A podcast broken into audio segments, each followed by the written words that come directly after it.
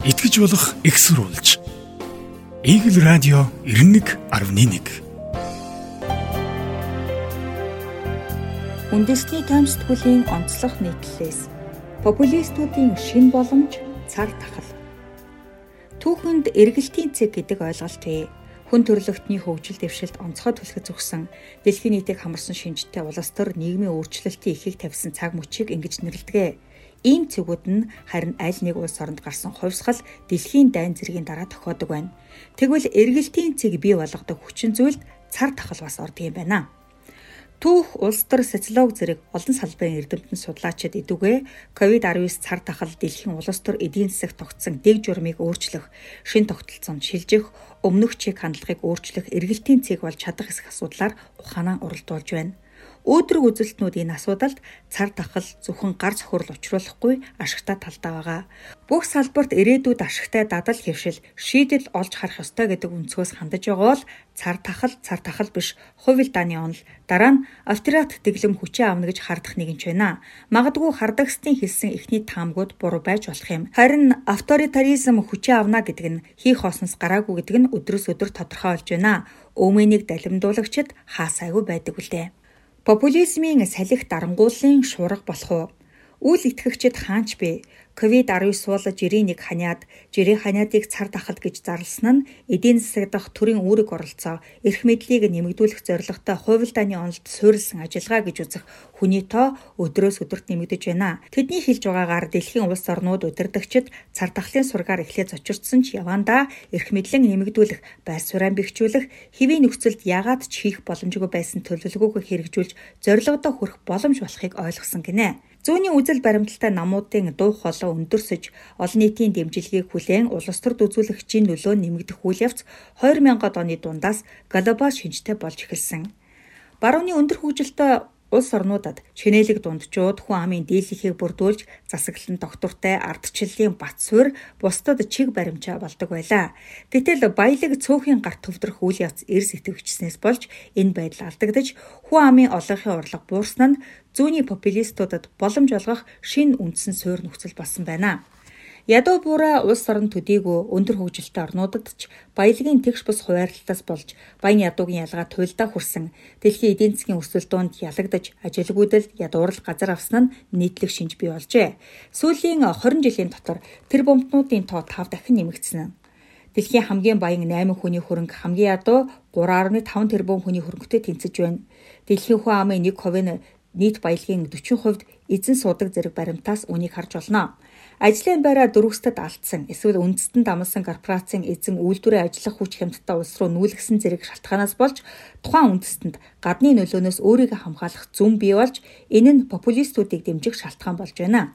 Дэлхийн хамгийн баян улс гэх Америк нэгдсэн улсад 2001 онд нийт иргэдийн 30% нь өөрсдийгөө хангалттай орлогогүй эмзэг бүлгийх гэж тооцдог байсан бол 2015 онд тал нь ийм бодолтой болсон байж Дональд Трамп ерөнхийлөгчид сонгуульд ялах үндсэн шалтгаан энэ байх жишээтэй. Энэ үйл явц үргэлжилсээр 2019 оны 12 дугаар сард буюу ковид цар тахалд эхлэхэд хамгийн олон улсад зүүнний чиг баримжаатай нам засгийн эрхийг барьж байлаа. Зүүнний чиг баримжаатай намууд ард иргэдийг алагчлахгүй тэгш нөхцөлд амьдруулах боломжийг эрхэлдэг бөгөөд цар тахлын үед зайлшгүй хэрэгжүүлсэн халамжийн бодлогоо үзэл баримтлалаараа зөвтгөж байлаа. Ингээд төр ард иргэдийнхэн гарыг хумж цорын ганц халамжлагч болсноор ямар үр дагавар үүсэх вэ? Ихэнх улсад эрх баригчид өөрсдийн нэр нөлөөгөө бэхжүүлэхэд анхаарч байгаа нийтлэг дүр зураг ажиглагдаж байна. Дарангуулагчид байр суурин улам бэхжүүлж байна. Цар тахлаар даалгайлгсан дарангуйлал Азербайджаны ерөнхийлөгч Илхам Алиев байгалийн нийлүүлэх замаар Европ дахь нөлөөгөө бэхжүүлсэн төдийгүй Америк нэгдсэн улсаас 100 сая ам долларын тусламж амжуулж чадсан нэгэн цар тахал түнд нөлөөгөө бэхжүүлэх сайхан далин болсон бөгөөд хүмүүсийг нэр дор бөөгнөрч болохгүй захирамж гаргаж энэ журмыг нь зөрчсөн хэмээн сөрөг хүчний байрыг битүүмжилсэн. Улмаар жагсаж цуулах боломжгүйг нь ашиглан сөрөг хүчний улс төрч сэтгүүлчдийг олноор нь шорон руу илгээж байна. Филиппинес эхлээд Европын холбооны гишүүн Унгар хүртэл олон үндэстний удирдагчид коронавирусыг ашиглан эрх мэдлээ бэхжүүлж байгаа бөгөөд цар тахал намжсны дараач цуцлахад хэцүү хууль журмыг шинээр боловсруулж байгаамаа. Филиппиний ерөнхийлөгч Родриго Дутерте цар тахалтай хийхэд тэмцлийн удирдлагыг гартаа авсан. Тэрээр энэ ажлынхаа хүрээнд ард түмэнд хэрэгтэй олон ажил саачлан хэрэгжүүлж байгаач хажуугаар нь сөрөг хүчний амийг барь улсын сангуудад илүү хяналт тавих бодлого давхар хэрэгжүүлж байна. Тэрээр хөл хоройг зөрчсөн буюу хоол түгээх явцад эмх замбраагүй байдал гаргасан этгээдийг буудах эрхийг цэрэг цагдааdaa өгсөн. Ингэснээр өөрийг нь дэмжидэггүй иргэд сонгогчд улс төрийн өрсөлдөгч нарынхаа хөлийг давхар тушсан.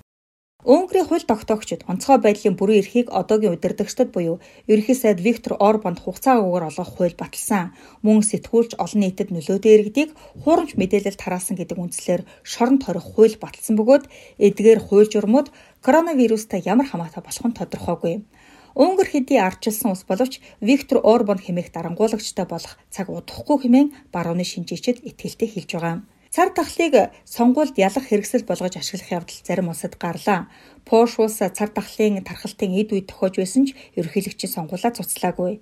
Ингэснээр сөрөг хүчний нэр дэвшигч сурталчилгаа хийх ямар ч боломжгүй болсон бол эрх хөрөгч намын нэр дэвшигч ерөнхийлөгч Анжи Дуда цар тахлын нөхцөл байдлын улмаас байнга зурагтаар гарч далд байдлаар сурталчилгаа хийсээр сонгуульд ялалт байгуулжээ. Тэрээр өрсөлдөгч Рапал Тарзаковскийг 51.2% санал авч давмгайлсан нь 1989 оноос хойш хамгийн бага зөрүүтэй ялалт болж тэмдэглэгдсэн юм а. Цар тахлыг ашиг сонирхолтой ашиглах явдал Азийн улс орнуудад ч түгээмэл гарч байгааг энд зориуд тэмдэглэх хэрэгтэй. Кампучи ерхий сайд Хун Сен цар тахал ихэлснээс хойш төр засгаас авч хэрэгжүүлж байгаа арга хэмжээг шүүмжил түүнийгээ олон нийтэд хуваалцсан 17 хүнийг баривчлах хорсныг энд жишээлж болох юм а. Түүхч Маргарет Макмиллан энэ удаагийн цар тахлыг Франц, Оросын хувьсгалтай зөөрлөж томоохон өөрчлөлтийн эхлэлийг тавьсаа хэмээн дүгнжээ. Засгийн газрууд иргэдэд халамжлах чадвараа цар тахлын дараа ч хэвээр хадгалж зах зээлд оролцогчдод зээл өгөх магадлал өндөр. Мөн эмзэг бүлгийнхний амжиргааг хангах, баг цалинтай ажлын байраар хангах зорилготой хөдөлмөрийн зах зээлд хяналт тогтоох гинэ. Ихэнх улс оронд ажиглагдах энэ үр дагавар нь ардчлал чөлөөт зах зээлээс тэрс өөр байх болно гэдгийг тэрээр анхааруулж байгаа юм. Ядуурл популистуудыг төрүүлсээр байна. Цар тахлын дараа зүүнний үзэл баримтлалтай намууд популист улс төрчид хүчрэхэг хэвээр байх бас нэг боломжийг цар тахал нөхцөлдүүлж өгч байгааг хэлэх ёстой. Энэ бол нийтийг хамарсан ядуурл. Сонгогчдын олонх нь ядуурснаар зүүнний намуудад боломж гардаг нууц биш.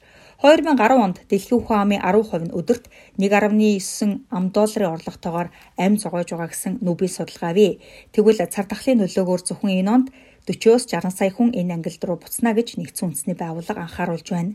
Иргэдийн орлого багасах энэ үйл явц цар тахлын нөлөө бүрэн арилтал үргэлжилнэ гэвэл дор хаяж 5 жил ядуурл нэмэгцээр байх төлөв ажиглагдаж байна. Энэ бол хуучин популист хүчээ бэхжүүлэх битгийх л шинэ популистууд гарч ирээд хүчээ авахд хангалттай хугацаа юм.